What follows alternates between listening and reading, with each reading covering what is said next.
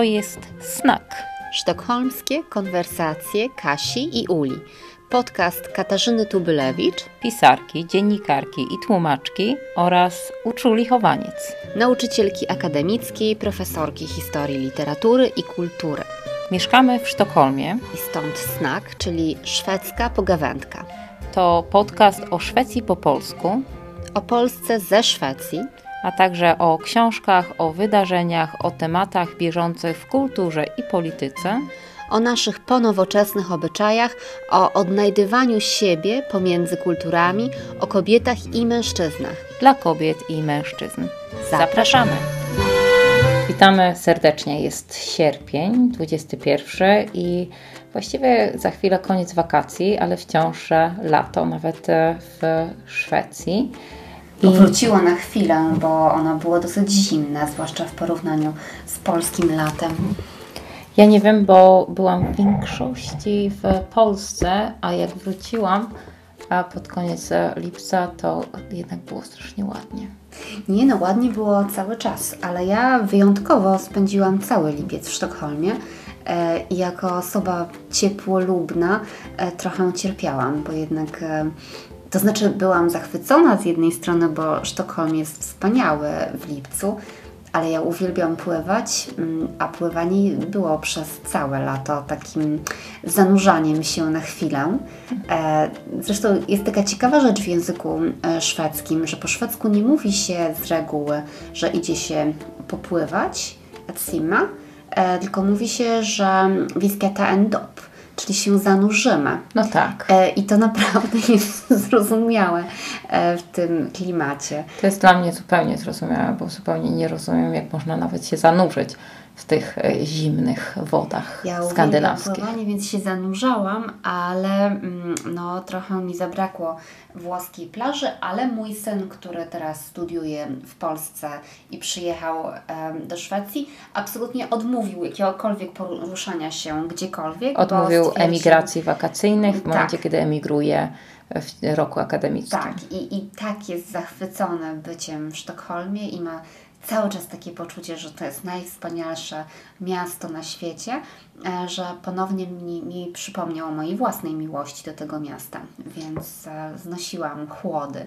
letnie. Świetnie, za chwilę Cię zapytam, co jest takiego fajnego w Sztokholmie latem, ale teraz tylko opowiem, że będziemy mówić o e, wielu rzeczach. Opowiemy w naszym snaku oczywiście o paradzie, która zdominowała pierwszy tydzień tydzień e, e, sierpnia w Sztokholmie. Opowiemy też o różnych filmach i książkach, o których, o, o, o których rozmawiałyśmy już wcześniej. Opowiemy o serialu Julia, opowiemy o filmie Goodbye, Good Luck Leo Grant. Opowiemy też o książce Rebeki Solnit mm, Wspomnienia z nieistnienia. I to e, będzie w snaku, snaku sierpniowym.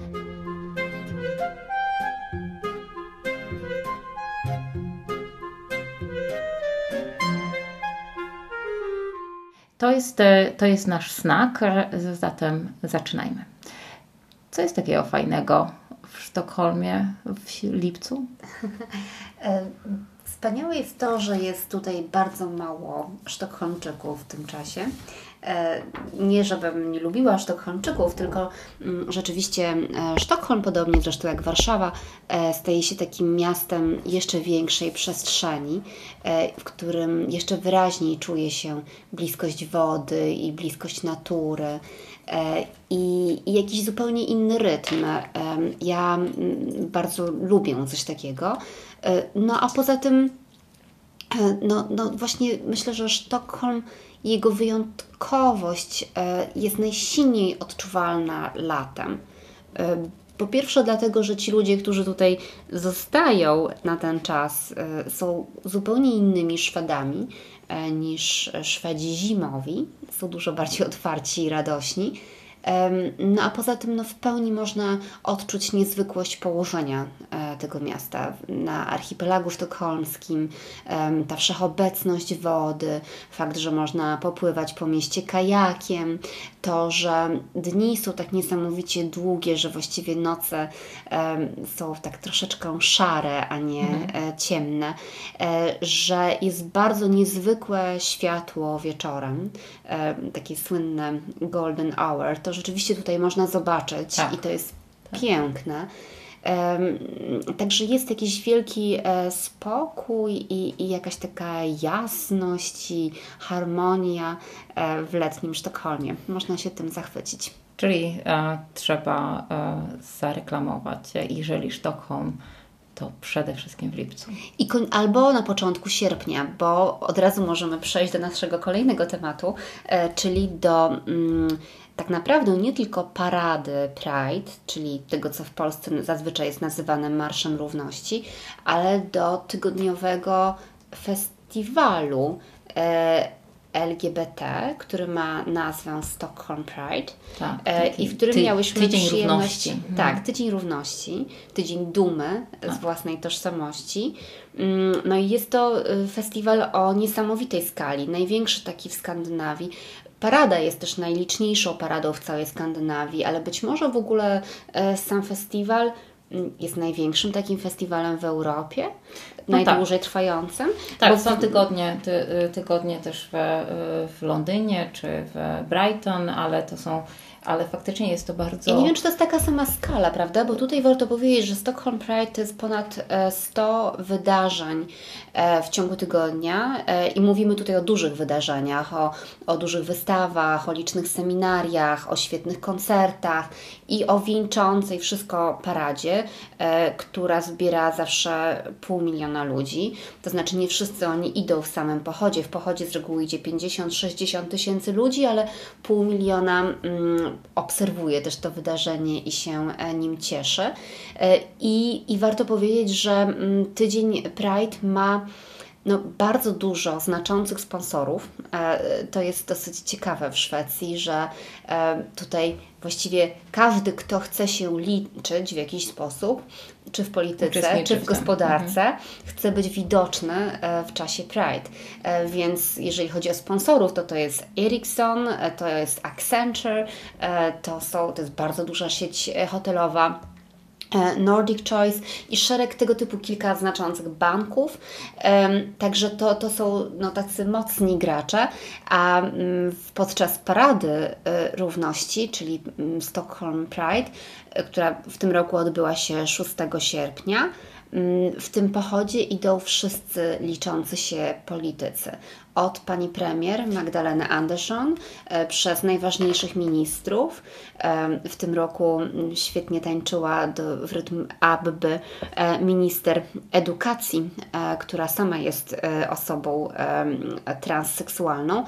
W paradzie szli wszyscy przewodniczący partii parlamentarnych, poza przewodniczącym szwedzkich demokratów, ale tylko dlatego, że szwedzcy demokraci jako partia populistyczna i antyimigrancka nie są zapraszani do wzięcia udziału e, w Pride, po prostu nie, nie mogą dostąpić tego zaszczytu. Tak. Mm, I ciekawe jest też, że w Pride idą e, reprezentanci różnych najważniejszych instytucji państwowych, na przykład wielki przejazd e, takiego samochodu tęczowego Urzędu Podatkowego. Tak, tak Idzie tak, silna reprezentacja armii szwedzkiej i wszyscy mundurowi, kobiety i mężczyźni bo jest wśród mundurowych też sporo kobiet, niosą tęczowe flagi.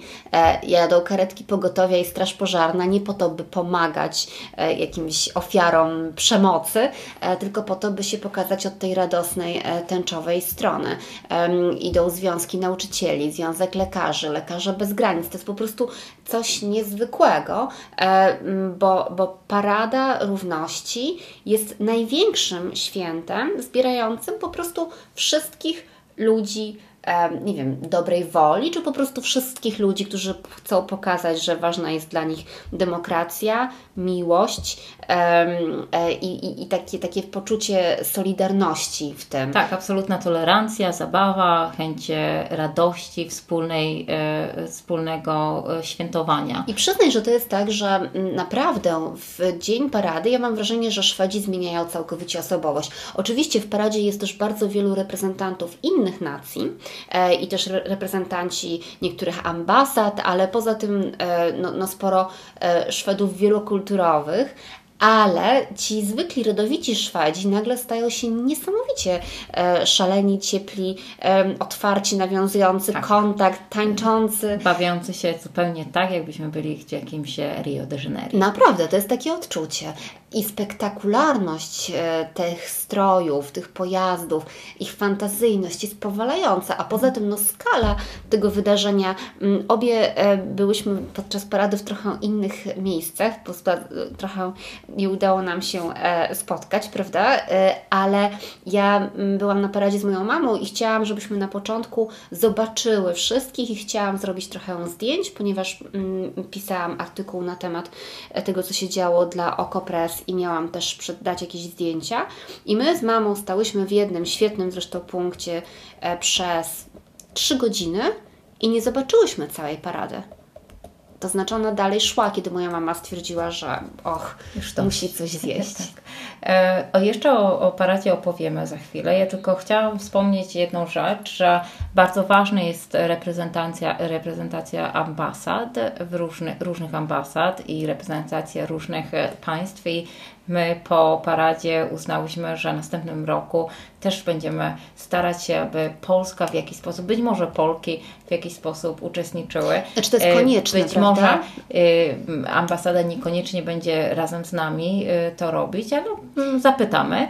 Będziemy Polakami raczej przeciw homofobii powiedzmy Ale... o tym, że widziałyśmy taką maciupeńką grupką podczas parady, parady katolików przeciw homof homofobii. I to nas zainspirowało, to nas zainspirowało. że Polki w Szwecji przeciw homofobii, homofobii powinny, tak. powinny uczestniczyć, chociaż e, ja w Wczoraj na Instagramie zobaczyłam, że właściwie takiej czynna, czynna e, homofobia, to znaczy e, odsetek ludzi, którzy są przeciwko e, osobą e, LGBT, to jest tylko 19%. W Polsce. W Polsce. Mm. I właściwie e, ja to powiedziałabym... homofobia, to jest problem. Ja bym sobie powiedziała, ok, strasznie, 19 to może jest strasznie, natomiast w tym, w tym wpisie było, ale może to jest tylko, bo jednak jest bardzo dużo e, osób, które nie uważa żadnego problemu albo wspiera. E, więc może trzeba też e, w jakiś sposób to um, podkreślać, że, że jest bardzo duży odsetek ludzi, którzy, którzy równie dobrze i z chęcią będą uczestniczyć w paradzie. Tak, to znaczy ja myślę, że to jest ważne ze względu na mm, wizerunek Polski, bo od razu możemy powiedzieć sobie tak, że e, Stockholm Pride miało takie bardzo huczne otwarcie z licznymi e, koncertami e, w Pride Parku.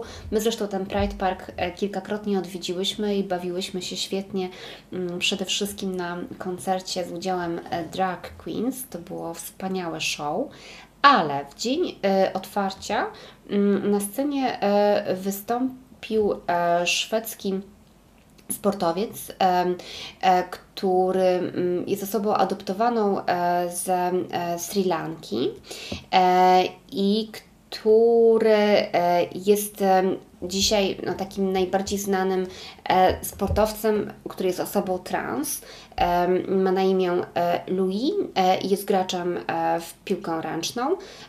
Wcześniej nosił imię Louis Sant i był jako kobieta była reprezentantką szwedzkiej kadry e, narodowej. Teraz Louis e, wraca też do sportu na, na tym samym poziomie.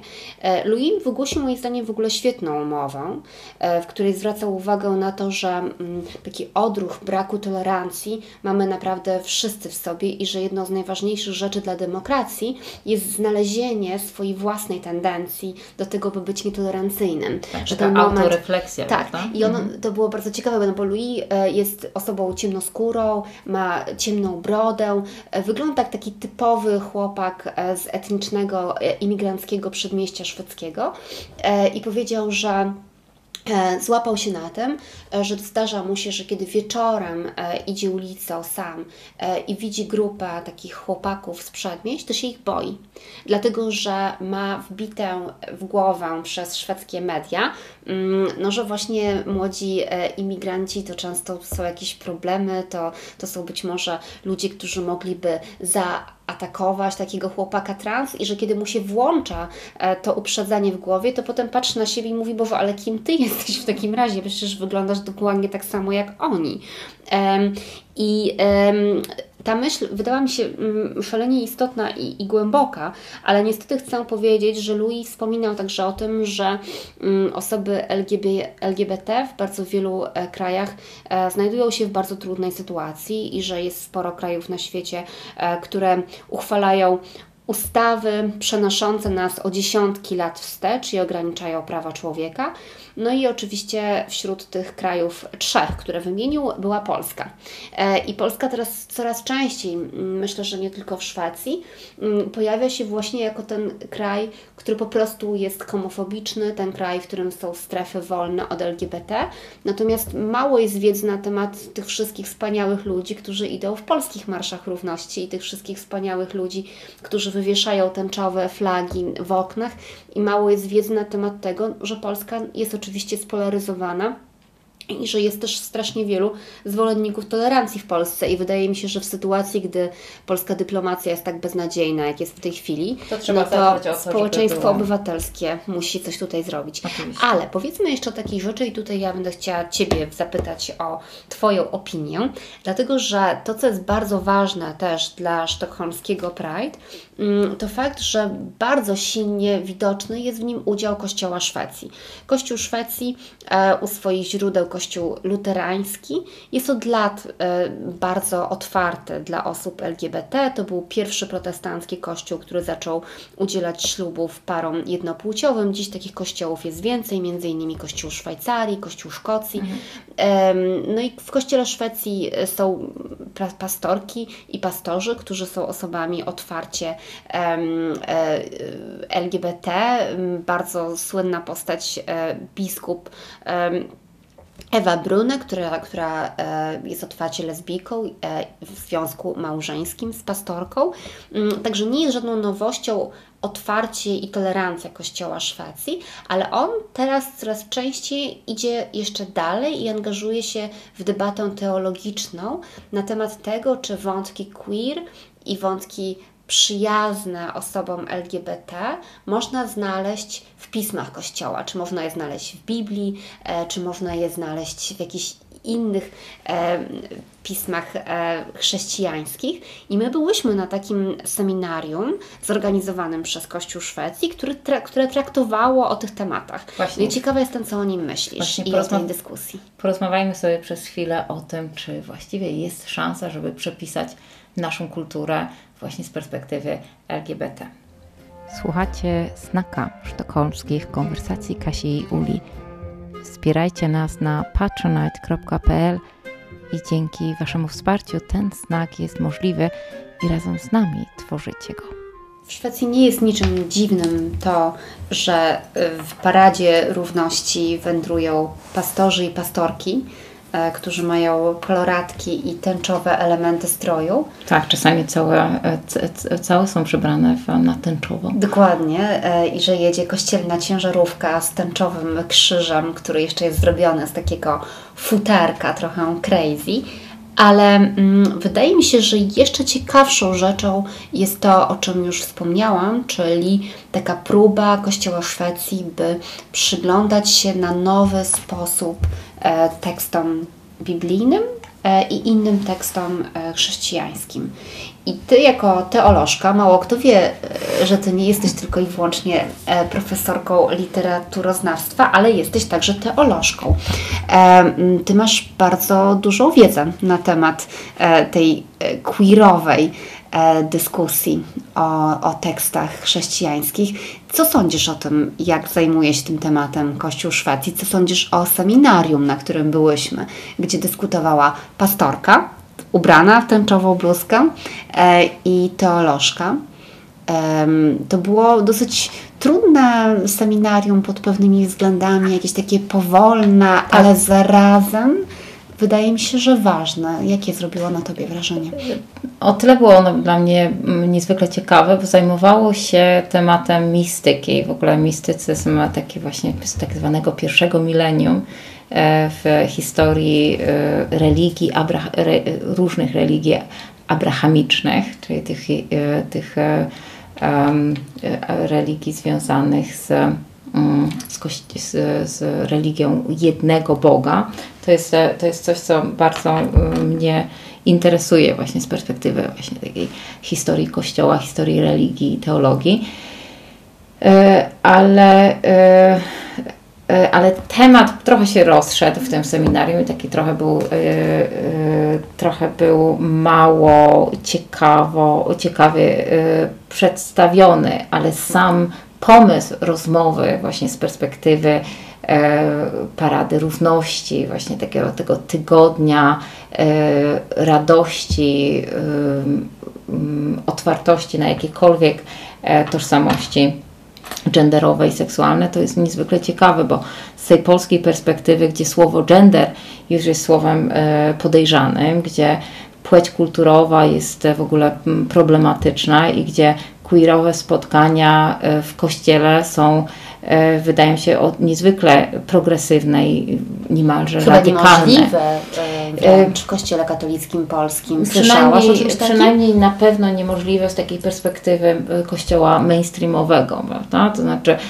jestem pewna, że to się zdarza, jestem pewna, że na uniwersytetach są seminaria temu poświęcone, ale nie jest to coś, co zdarza się w w salkach katechetycznych, prawda? A myśmy były w takim w takiej małej, przypadkowej salce katechetycznej, gdzie, e, gdzie pewno najczęściej są to spotkania gdzieś tam tygodnio, cotygodniowe, zupełnie przypadkowych, nie jakichś akademickich dyskusji, tylko, e, tylko dyskusji właśnie dla, dla każdego e, który tego potrzebuje i cała ta salka była, była właśnie udekorowana na, na tęczowo, z tęczowymi flagami i to było niezwykle e, fajne. E, a jednocześnie było takie nastawienie na, na dyskusję, na poważną dyskusję o e, tekstach religijnych, prawda? Bo zaczęliśmy od Grzegorza z Nysy, czyli jednego z, z ojców Kościoła. I te dyskusje były oczywiście nie bardzo głębokie. Od razu, jako właśnie historyk teologii, sobie pomyślałam, przydałoby się raczej porozmawiać o, o matce e, Grzegorza Znysy, czy o jej, jego, e, jego siostrze, czyli Makrenie. Makrenie starszej i Makrenie, Makrenie młodszej, wiem, bo obie były jednym z pierwszych, z pierwszych mistyczek w, w kościele chrześcijańskim, które właściwie pokazały tę rolę rolę kobiety w kościele. Oczywiście tę rolę kobiety była niezwykle esencjalna, niezwykle tradycyjna. Ta kobieta, y, która ma być w, w takiej pozycji y, y, pomagającej, wspierającej, i to oczywiście tego się nie da wykluczyć, tego się nie da y, zdekonstruować, ale jednocześnie one pokazały, były jedną z, tych pierwszych kobiet w ogóle w historii Kościoła chrześcijańskiego, katolickiego, który jest kościołem niezwykle patriarchalnym. Prawda? Ten katolicyzm polski pokazuje, że jest jakąś taką ostateczną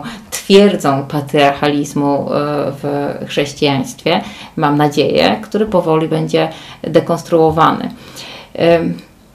To, jest, to było strasznie fajne, fajne, fajne zobaczyć, że, że, że jest jakaś szansa na, na taką dekonstrukcję tekstów, nawet jeżeli te teksty, że jest potrzeba rozmowy o tekstach tradycyjnych, o Biblii na przykład i później tekstach, tekstach kościelnych, w których poszukuje się właśnie takich szczelin, takich poszukuje się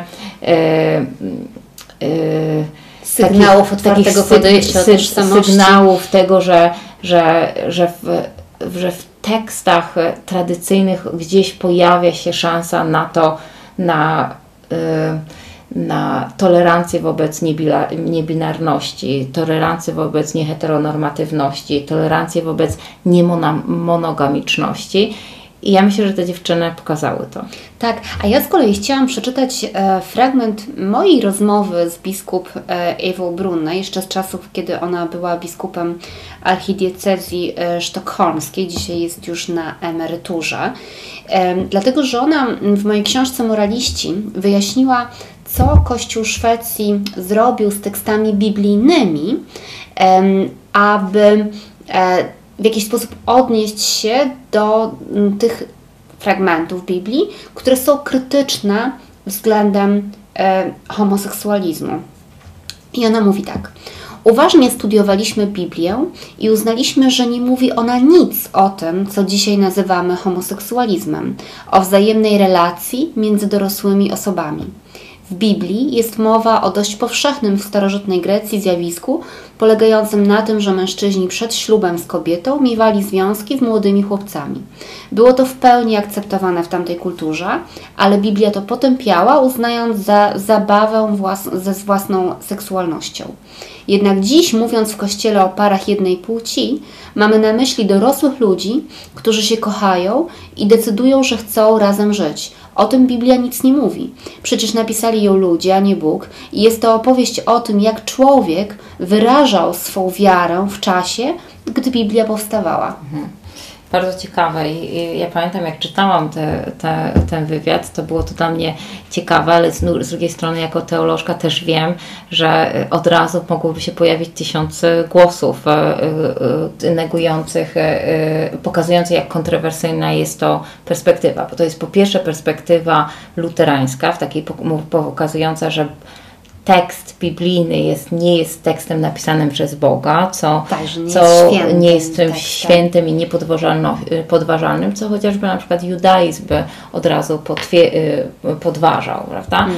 A y, y, i, i z drugiej strony jest też, y, można by było znaleźć no, dziesiątki tekstów, które pokazują, że E, które mówią od, e, dokładnie, że e, świętym związkiem jest związek mężczyzny i kobiety, prawda? Że to, że, że, że Bóg w jakiś sposób jest heteronormatywny, prawda? Ja zawsze bardzo często się śmieję, że że z biblijnej perspektywy Bóg jest największym genderystą, bo to on wymyślił raczej tożsamość genderową, prawda? Kobieta ma robić to, ma być z tego, y, nie wiem, żebra stworzona, ma pomagać mężczyźnie, a mężczyzna, mężczyzna ma robić y, coś innego i ma nazywać i tworzyć tę rzeczywistość jak, i dawać imiona no tym tak, wszystkim. Ale jednocześnie w Biblii są takie teksty, które są jakoś otwarcie, na przykład no ta słynna pieśń nad pieśniami,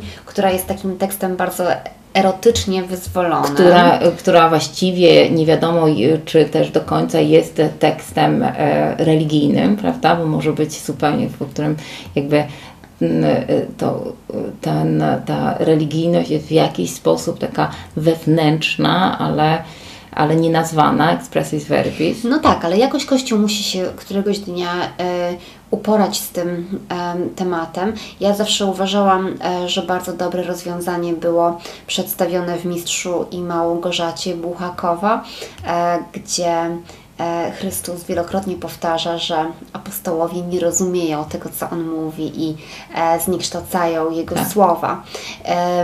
Być może ta droga jest drogą, e, by, by dostosować nawet święty tekst do tego, jak rozumiemy współcześnie otwartość, tolerancję i miłość, ale nie wydaje mi się możliwe połączenie na dłuższą metę chrześcijaństwa jako jakiejś religii, teoretycznie miłości, z tym poziomem mm, nagonki na osoby LGBT, tak. które na przykład, który jest obecny e, w kościele mm, katolickim. Dlatego mm, te próby kościoła Szwecji i, i dyskurs, dyskurs teologiczny e, wydają mi się bardzo ważne, że trzeba się im przyglądać i jednak jakoś się e, inspirować. Absolutnie, absolutnie. To jest to, to co się, to, takie spotkanie, na którym my, my byłyśmy, takie spotkanie właściwie dla wszystkich, których właśnie w taki bardzo nieakademicki, spo, swobodny sposób staramy się pokazać, że, y, że teksty y, religijne można, w których można, w tekstach religijnych można znaleźć nadzieję. Mm. To jest tak jak ja mówię, jeżeli Bóg jest największym genderystą i strasznie boi się płci, to tak samo jak to, to od razu można powiedzieć, ale jednocześnie mamy pieśń nad pieśniami, w której pożądanie jest bardzo silne, prawda? Kiedy tak. pojawia się ten wątek y, miłości mistycznej, ale też miłości cielesnej. Oczywiście można powiedzieć, że jest to miłość do Boga, ale być może to jest też szansa pokazania te, to, to, co mistycyzm pokazuje, że być może miłość cielesna, może seks jest jedną z największych, najdoskonalszych form e, e, no, modlitwy. Tak. E, I to, to by to było, to by było fajne.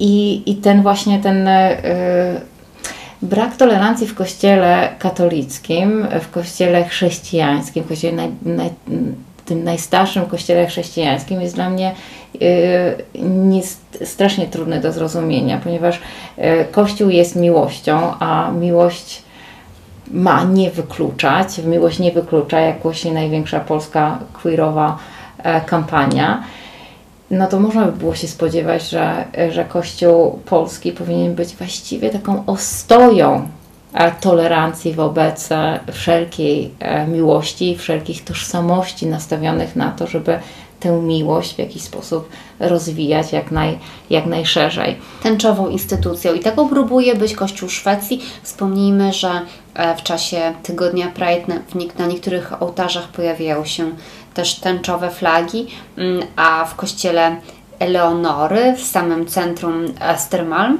nawet odbyła się taka potańcówka tęczowa e, Absolutnie. z elementami e, duchowymi. No tak samo synagoga wielka w, e, w środku Sztokholmu też była ozdobiona wielkimi, wielkimi tęczowymi flagami. To jest coś niezwykłego i od tego tego trzeba się uczyć od Szwecji. Tak, ja myślę, że mm, byłoby bardzo dobrze, e, gdyby wielu Polaków przyjeżdżało po prostu e, do e, Szwecji w trakcie Pride, dlatego że powołując się jeszcze raz na cytowane przeze mnie słowa szwedzkiego transportowca Louis, to trochę jest tak, że my nie tylko wszyscy mamy sobie uprzedzenia, ale też bardzo mm, silnie podlegamy tym uprzedzeniom, które w społeczeństwach, w których e, żyjemy, są jakoś rozprzestrzeniane przez media. Nawet jeżeli to są te media, których nie szanujemy i z którymi się nie zgadzamy, to one i tak mają moc e, budowania stereotypów. E, I Naprawdę jest tak, e, że, że w Polsce wśród tych ludzi, którzy uważają siebie za tolerancyjnych, mm, ale takich trochę ostrożnych, pokotuje na przykład taka, takie powiedzenie, że no, nie mam nic przeciwko um, osobom LGBT, ale po co te marsze równości, po co to epatowanie seksem. Sam pomysł na to, że Marsz Równości jest epatowaniem seksem, jest jakoś kompletną głupotą. To widać bardzo wyraźnie w tej niesamowicie spektakularnej sztokholmskiej paradzie. To jest właśnie epatowanie wielką radością życia. I poczuciem humoru. To jest tak. ważne. I chęcią zabawy i bycia razem. To jest po prostu w Szwecji, w Sztokholmie parada jest świętem rodzinnym. Tak. I to jest ważne, i jeszcze ważne jest to, żeby powiedzieć, że, e, że e, ten tydzień równości w Szwecji, tak samo jak, jak nie wiem, tydzień czy miesiące równości w innych krajach i w Polsce oczywiście też parady równości pokazują bardzo wyraźnie, że to nie chodzi tylko o o homofobię, że hom homofobia wiąże się z całym szeregiem różnych innych nietolerancji i, i trzeba na nie uważać, że, y, że trzeba patrzeć na to bardzo y, y, szeroko, że homofobia może może łączyć się również z seksizmem, że seksizm może się łączyć także z, nie wiem, y, antysemityzmem, że antysemityzm może się łączyć z y, rasizmem i całym szeregiem różnych uprzedzeń etnicznych. Że I jeszcze czegoś pogardą my... dla ciała, prawda? Która Oczywiście. jest obecna tak naprawdę w e, bardzo w wielu formach w społeczeństwie, ale pojawia się także jako takie zagrożenie E, dla, dla tego rodzaju tolerancji, którą e, Stockholm Pride e, gdzieś rozprzestrzenia. I Parady Ludności właściwie trochę mogą, można powiedzieć, że to, są, to jest taki moment, kiedy mówimy sobie i, i całemu społeczeństwu, żeby się trochę wyluzować, żeby, mhm. żeby, żeby popatrzeć na siebie w sposób no, z takim dystansem i też uważać na wszystko, co robimy, o czym myślimy i uważać na to, że w różnych dziedzinach życia i w różnych e, przestrzeniach społecznych gdzieś ten właśnie, tak jak o czym mówiłaś w kontekście sportowca, że zawsze możemy znaleźć jakiegoś, e, nie wiem, e, jakąś formę nietolerancji w sobie wobec innych. Tak,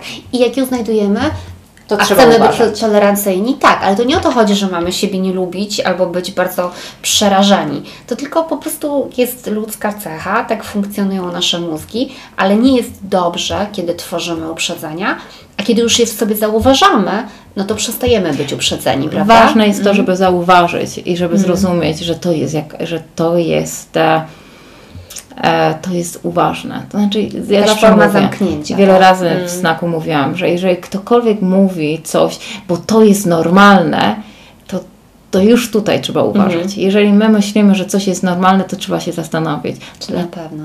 Czego i czy na pewno? To jest znak sztokholmskie konwersacje Kasi i Uli. Pamiętajcie, polubcie nas na Facebooku i na Instagramie. Bądźcie z nami na patronite.pl. Istniejemy dzięki temu, że Wy jesteście. Przejdźmy teraz do naszych różnych lektur albo fascynacji z tym, co jest, co można obejrzeć teraz przez wakacje. Wakacje to taki trochę czas, żeby e, poglądać różne seriale, pobawić się e, różnymi, czasami niezbyt e, ambitnymi serialami i przemyśleć. To będą Twoje fascynacje, bo ja w ogóle nie widziałam ani serialu, o którym opowiesz, ani filmu, o którym marzę. I to jest w ogóle wstrząsające, bo jest to film, który robi furorę na świecie, zachwyca zwłaszcza kobiety w Polsce, a, a w Szwecji w ogóle nie zapowiadają nawet, że będzie pokazywany. I Także, ciekawe dlaczego, że nie będzie pokazywany. No, tak się trochę zastanawiałyśmy. No to zacznijmy. Zacznijmy od e, Good Luck to You Leo Grant, e, który od kilku miesięcy jest na e, ekranach kin w reżyserii Sophie Hyde i jest to film o 55-letniej Susan y, Robinson e, i która w, pod innym nazwiskiem, Nancy, postanawia, Nancy Stowe, postanawia jako no, już dwuletnia e, wdowa, e, postanawia, że wreszcie odkryje swoje ciało i e, płaci e, seks workerowi, e, pracownikowi seksualnemu, żeby, żeby pokazał jej wszystko. Bo okazuje się, że ten 30 lat czy 31 lat swojego życia seksualnego było małżeństwie. w małżeństwie e, w, z jednym partnerem było dosyć e, ograniczone. To ona nigdy powiedzieć. nie przeżyła orgazmu, ona, prawda? I ona ja oczywiście, Tak, i ona nigdy nie przeżyła orgazmu e, i właściwie niczego nie przeżyła. To znaczy mm, doświadczenie seksualne było, ja nie wiem, no trochę jak zakonnicy w klasztorze, ale no trudno to, to tak porównać, bo one chyba już żadnego nie mają, ale ona nawet się śmieje, że chyba ma mniejsze doświadczenie niż te zakonnice w, klasz w klasztorze. E, no i, i przychodzą do hotelu, jest to zrobione właśnie w taki bardzo minimalistyczny sposób. Budżet jest minimalny, a jednocześnie ogląda się z zachwytem. Film trwa godzinę 37 minut, a i czyli właściwie taki raczej krótki jak na nowoczesne filmy. I pokazane są takie jakby trzy czy cztery sceny, to znaczy tak naprawdę cztery spotkania Leo z Susan czy z Nancy.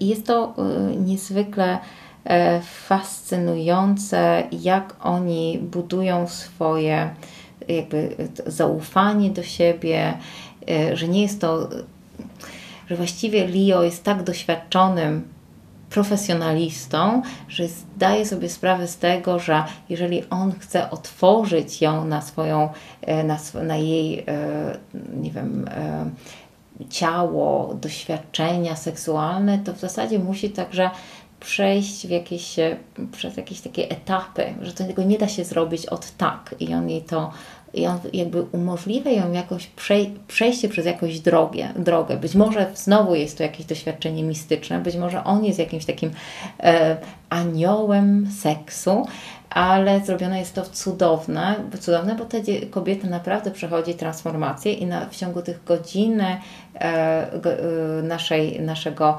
oglądania widzimy, jak ona się zmienia, a ostatnia scena, w której e, Emma Thompson, która gra, którą gra, e, która jest grana przez właśnie przez, e, znaczy Emma Thompson gra Susan Robinson, kiedy patrzy na siebie w lustro, widzimy, że z tej jakiejś strasznie, strasznie, strasznie starej, jak na 55 lat kobiety, bo faktycznie jest ona zrobiona w z jakichś takich sztamp stereotypowych, ona zmienia się i zmienia się tylko przez uśmiech. I być może jest to zrobione przez, za pomocą y, makijaży, świateł, kamery i tak dalej, ale jest zrobione to w, w sposób fantastyczny. I do tej, dla tej ostatniej sceny w zasadzie też warto e, zobaczyć ten film. No jestem go tak ciekawa, e, że chyba po prostu polecę e, do Polski tylko po to, żeby pójść do kina. Zastanawiamy się nad tym, to znaczy Ty wpadłaś na to, że być może w Szwecji ten film w ogóle nie zostanie pokazany, bo przecież tutaj um, praca seks workerów jest zakazana. Szwecja kryminalizuje prostytucję. To znaczy, tak naprawdę nie kryminalizuje pracowników, pracowników mhm. tylko klientów. Tak. ale jednak e, nie ma w szwedzkiej debacie na ten temat przestrzeni na taką myśl, mm, że mogą być na świecie ludzie, mm, którzy po prostu chcą być e, sex workerami. E, w szwedzkim dyskursie prostytucja jest zawsze jakimś takim byciem nieświadomie wykorzystaną E, przez kobietę właściwie jest mylona w dużej mierze, mam wrażenie, ze współczesnymi formami niewolnictwa i handlu ludźmi, bo oczywiście wiemy o kobietach, które są zmuszane do prostytucji. Natomiast muszę powiedzieć, że moja jakaś taka liberalna dusza nie potrafi pojąć tej, tej, tego, tego myślenia w Szwecji, bo, bo ja jednak uważam, że no, że właśnie ludzie się na tyle od siebie różnią, e, że istnieją także tacy ludzie, którzy mogą chcieć e, pracować w ten sposób e, z ciałem, jeżeli to dzieje się na ich warunkach i jest w jakiś sposób też chronione. Mam wrażenie, że prostytutka w Amsterdamie, która pracuje w takiej sytuacji, że w każdej chwili może nacisnąć guzik i przyjdzie jej na pomoc ochroniarz, jest w lepszej sytuacji mm, niż kobieta, która w ogóle nie ma takiej możliwości w Szwecji, dlatego że Musi jest po prostu chować, w strefie prawda? jakiejś takiej ciemności, tak? tak? E, czarne, rynku czarnego. Um, ale wielokrotnie mm, kłóciłam się na ten temat z byłą już dziewczyną mojego syna, mm, która cudowna była, była taką bardzo zaangażowaną feministką i ona uważała, że mówią straszliwe rzeczy i mimo, że to bardzo inteligentna młoda osoba, to miałam wrażenie, że tak silne jest w Szwecji e, takie ideologiczne przekonanie, że nie ma czegoś takiego jak prostytucja, na którą człowiek się świadomie decyduje, bez względu na to, czy to kobieta, czy mężczyzna, mm, że, że ta dyskusja nam się nigdy nie udawała. Tak, a to jest też bardzo ciekawe rozwiązane i trochę, trochę chyba nie dorozwiązane, nieudanie rozwiązane w tym filmie. Taka właśnie przekonanie, że sex worker, pracownik seksualny to zawsze ktoś absolutnie straumatyzowany, kto, albo na pewno ktoś, kto nie ma rodziny, albo ktoś, kto właśnie jest ofiarą. A ten bohater taki nie jest, czy jest? E, a i tego właściwie nie wiemy. To znaczy, jest tam taka bardzo. E, właściwie perypetie rozwiązane są w ten sposób, że e, Nancy chce wiedzieć, kim on jest naprawdę, prawda? To znaczy, kiedy po kilku spotkaniach ona czuje się blisko Leo, chce odkryć jego prawdziwą tożsamość. Mm. I e, odkrywa tę tożsamość, i on jest, e, wpada w złość. I teraz, jeżeli uwierzyć w tę złość tego absolutnie profesjonalnego Leo, to okaże się, że no tak, Leo został. E, nie wiem, wydziedzczony przez matkę, matka go nie, nie kocha i właściwie nikt, i właściwie jest, jest jako piętnastolatek musiał wyjść z domu. Tutaj robię taki mały spoiler, ale to nie jest właściwie spoiler, bo ten film jest e, do obejrzenia nie przez e, fabułę. Ale tutaj powiem coś e, coś ciekawego, to znaczy nie wiem czy ciekawego, ale coś, co ja myślę, że w tym filmie jest wa warte do refleksji że ja uważam, że to, co robi Leo, to znaczy, że jest wściekły na to, że ona, że Nancy, jej, jego klientka chciała spra sprawdzić, kim on jest naprawdę. A za, I w tym momencie on znowu zaczyna grać, ale zaczyna grać właśnie tę ofiarę. To znaczy kogoś, kto oczywiście jest związany Y, kto, kto robi ten, y, robi, jest, właśnie poświęcił się temu zawodowi, ponieważ jest, jest w jakiś sposób przez życie, y, życie poturbowany i i gdybyśmy wyznali, jakby za, przez chwilę pomyśleli o takiej hipotezie, że on teraz gra to, co ona chce, tego, czego, czego ona oczekuje, Aha. i wtedy okaże się, że ona i, i on też przez przez tę grę zmienia ją i jakby doprowadza do tego ostatecznego e, etapu jej rozbudzenia seksualnego. I mm. wtedy ten film jest jakby konsekwentnie ciekawy, bo faktycznie ten element taki, że nagle on okazuje się faktycznie jest niezrozumiały przez rodzinę, przez jest opuszczony przez, przez wszystkich, no to to jest jakby taki stereotyp właśnie, który wychodzi właśnie w tych rozmowach Twoich i i y, byłej dziewczyny y, Twojego syna.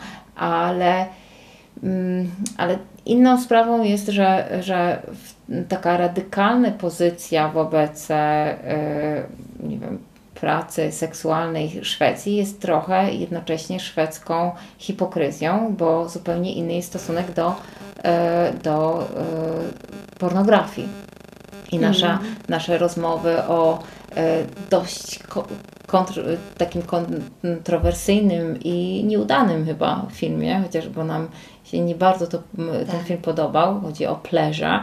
Rozmawialiśmy o tym w, w snaku parę miesięcy temu. Parę miesięcy temu to, e, no to jest zupełnie inna, prawda, dyskusja i dyskusja właśnie takiej otwartości i takiej, takiego przyzwolenia E, a jednocześnie mm, jakby wyczuwa się jakąś taką niekonsekwencję w, w, w tym myśleniu. Prawda? Że z, z jednej strony e, pornografia może być e, zawodem, a z drugiej strony mm, prostytucja nie.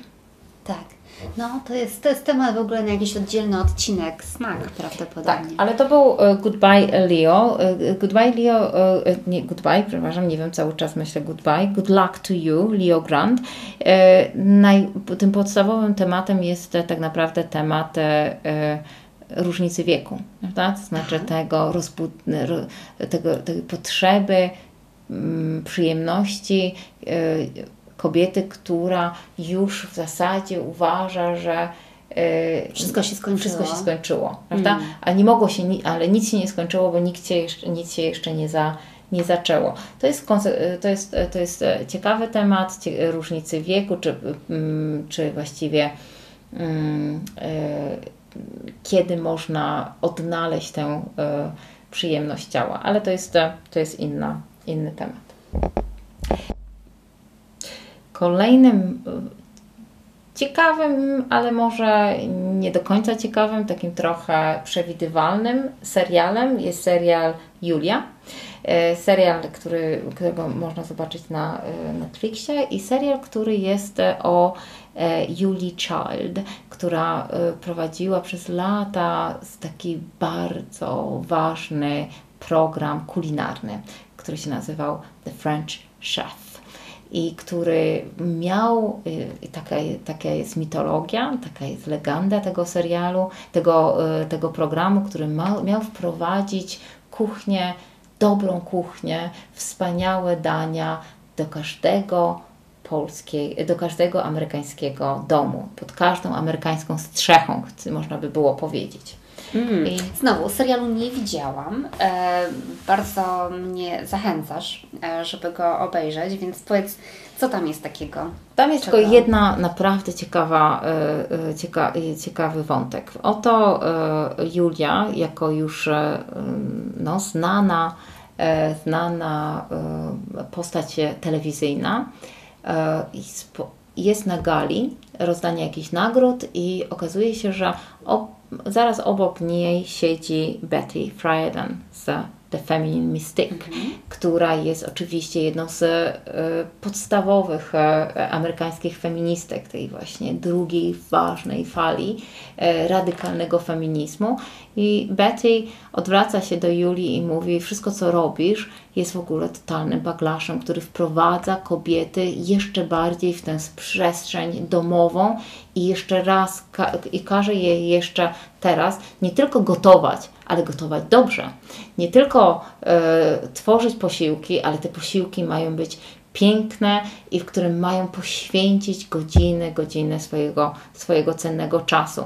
I rzuca jej również, że e, te, na te posiłki, które, które wymagają godzin godzin przygotowań, trzeba, mogą sobie pozwolić tylko kobiety z klas wyższych, a nie kobiety robotnicze, a jednocześnie w da, sprzedajesz wszystkim taką iluzję równouprawnienia, prawda? że każdy może pod każdą strzechą te e, szwedzkie, e, tfu, nie szwedzkie, francuskie e, potrawy mogą się pojawić. I to jest ciekawe, jaka jest Twoja intuicja, czy, e, czy właśnie taka moda, być może już wprowadzona właśnie w latach 60., 70., w, e, przez takie programy jak The French Chef, ale teraz też tak silna moda, takiego, taka hipsterska moda na gotowanie, czy to jest właściwie jakiś taki nowy klasizm, nowy, e, nowy backlash, w, w, wepchnięcie nas w powrotem w jakąś taką e, kuchenną przestrzeń?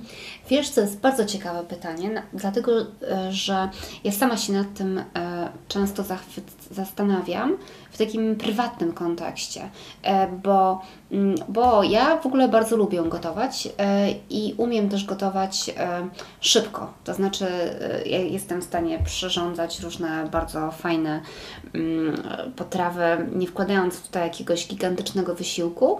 I jeszcze mam jakieś takie wyniesione z polskiego domu przekonanie, e, że w domu musi być zawsze ciepłe jedzenie i że trzeba usiąść razem przy stole. I kiedy mój syn e, był dzieckiem, no to to było czymś tak oczywistym, e, że zawsze jest w domu chętnie pyszne i zdrowe jedzenie, mm, że to w ogóle mi jakoś tak weszło w krew i przyznaję się, że to ja właśnie przede wszystkim gotowałam, co jest bardzo mało E, feministyczne, ale mm, tak zdecydowanie było. Dzisiaj, kiedy mój syn jest już dorosły, ja nadal bardzo lubię gotować i w ogóle interesuję się też zdrową kuchnią. Jestem wegetarianką, nie jem glutenu, więc tym bardziej lubię e, robić jakieś takie potrawy, które są e, i smaczne, i mm, szybkie. I to jest dla mnie w jakiś sposób ważne, ale jednocześnie coraz silniej też czuję, jak bardzo męczące potrafi być takie ciągłe tkwienie w kołowrotku tego, że trzeba Że zaplanować, trzeba, tak? co będzie to- do mhm. jedzenia, e, albo że na przykład jak ma się gości, to trzeba bardzo ładnie przygotować wszystko, żeby to było takie odpowiednio fajne, więc zaczynam mieć takie wrażenie, e, że tak, em, oczywiście, że to może być także pułapką na wiele sposobów, takie myślenie o tym, że, e, że takie hipsterskie, fajne gotowanie jest częścią pewnego stylu życia. E, I, I tutaj jest na pewno i element finansowy, na jakie produkty nas stać, prawda? I, i właśnie element klasowy. E, No a jeżeli jest się kobietą, która lubi gotować, to jeszcze łatwo jest wpaść w taką oczywistą kobiecą rolę. Więc wydaje mi się, że remedium na to jest po prostu pewna nieregularność. Mm, Taka umiejętność e, z jednej strony, bo ja kocham dobrze i zdrowo jeść e, i w tym jest dla mnie bardzo dużo i też jakiejś takiej radości życia i zmysłowości i, i pewnej wolności. Teraz zaczynam też odkrywać e, i mm, takie wspólne gotowanie, że to też jest coś, co może być bardzo fajne, ale, ale wydaje mi się teraz, że po prostu trzeba gotować, kiedy ma się na to ochotę. Świetnie. A jeżeli nie, to wtedy właśnie jeść jakoś szybciej albo gdzie indziej i nie trzeba jakaś ten, ten rodzaj wolności. Ja myślę, że, to, że teraz wymyśliłyśmy feministyczny, znakowy slogan. Gotować lubię, ale nie muszę. Dokładnie. Kocham, ale nieregularnie, jakoś tak. Świetnie. E, No i ostatni e, chyba temat, na który sobie dzisiaj, e, który sobie dzisiaj zaplanowałyśmy, czyli książka, o której Ty wspomniałaś na początku wakacji, którą przeczytałam właściwie faktycznie z wielkim, wielkim zainteresowaniem. To jest Rebeka Solnit, która pojawia się regularnie u nas, bo, bo to jest świetna pisarka, świetna dziennikarka i też dziennikarka, która budzi różne kontrowersje i dużo różnych dyskusji, bo e, dosyć radykalna, chociaż ja nie widzę tej radykalności u, u niej. Dla mnie to jest wszystko takie oczywiste, ten, także, te, nagr- także te złości i rozczarowania je, są takimi moimi rozczarowania, rozczarowaniami rzeczywistości. Mówię tutaj o, Rebe, o ksi- książkę, książce Rebeki Solnit Wspomnienia z nieistnienia. Opowiedz o niej.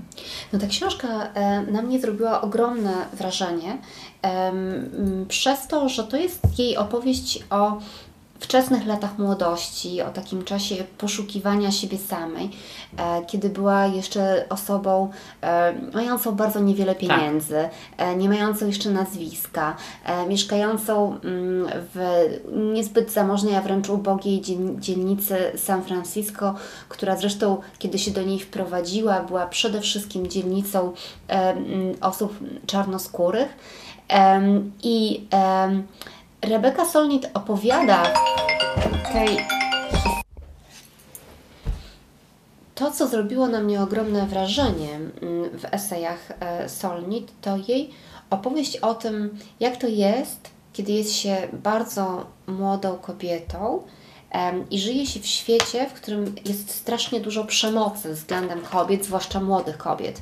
Mm, Ona opowiada o tym, jak na nią wpływało to, że nieustannie gdzieś czytała o kobietach młodych zamordowanych, zgwałconych, e, że mm, często zdarzało się, że e, ktoś mm, też ją w jakiś sposób zaczepiał, że jej bycie młodą kobietą było gdzieś tam nieustannym uciekaniem przed możliwością bycia napadniętą lub zgwałconą. I dla mnie e, przeczytanie o tym było naprawdę takim wręcz szokującym doświadczeniem, dlatego że moja wczesna młodość dokładnie taka była. Być może wynikało to z tego, że ja mm, dorastałam... Trochę o tym zapominamy, prawda? Trochę o przed tym tym zapominamy, lękiem, tak. przed y, koszmarną kulturą patriarchalną, gdzie, y, gdzie, gdzie niebezpieczeństwo wobec kobiety jest czymś absolutnie realnym. Tak, jest też czymś, czym, o czym opowiada Solnit, jest też czymś, co jest w jakiś sposób nieustannie opowiadane też przez kulturę Tak. i em, przez tę kulturę czynione jakimś fetyszem, prawda? Czyli jesteśmy Wszystkie cały czas filmy- traumatyzowane. tak, jesteśmy taką, e, młode kobiety są e, no, no, potencjalnie, nieustannie ofiarami i też stosunek do nich, także osób, które o nie dbają i je kochają, jest nacechowany mm, takim ciągłym przypominaniem o tym. Ja dorastałam w Warszawie lat 90 90., która nie była bezpiecznym miastem tak. I w której rzeczywiście dochodziło wtedy też do wielu gwałtów. O tym się słyszało, czytało i pamiętam rzeczywiście, że, mm, że ta taka myśl o tym, jak wracać z jakiegoś wydarzenia, e, żeby nie zostać napadniętą, e, co nam grozi wieczorem, a do tego e, jest coś w tym, e, że takie młode kobiety bywają napastowane mm, też takimi zaczepkami językowymi w niezwykle często brutalny sposób, tak. w czasie, kiedy naprawdę są bardzo e, niewinne i zupełnie nieprzygotowane do tego, żeby się bronić. Ja byłam taką kobietą. I więc, więc to było okropne doświadczenie. I kiedy mm, teraz Soln pisze, pisze tak, miało się wtedy poczucie, że to zjawisko jest wszechobecne.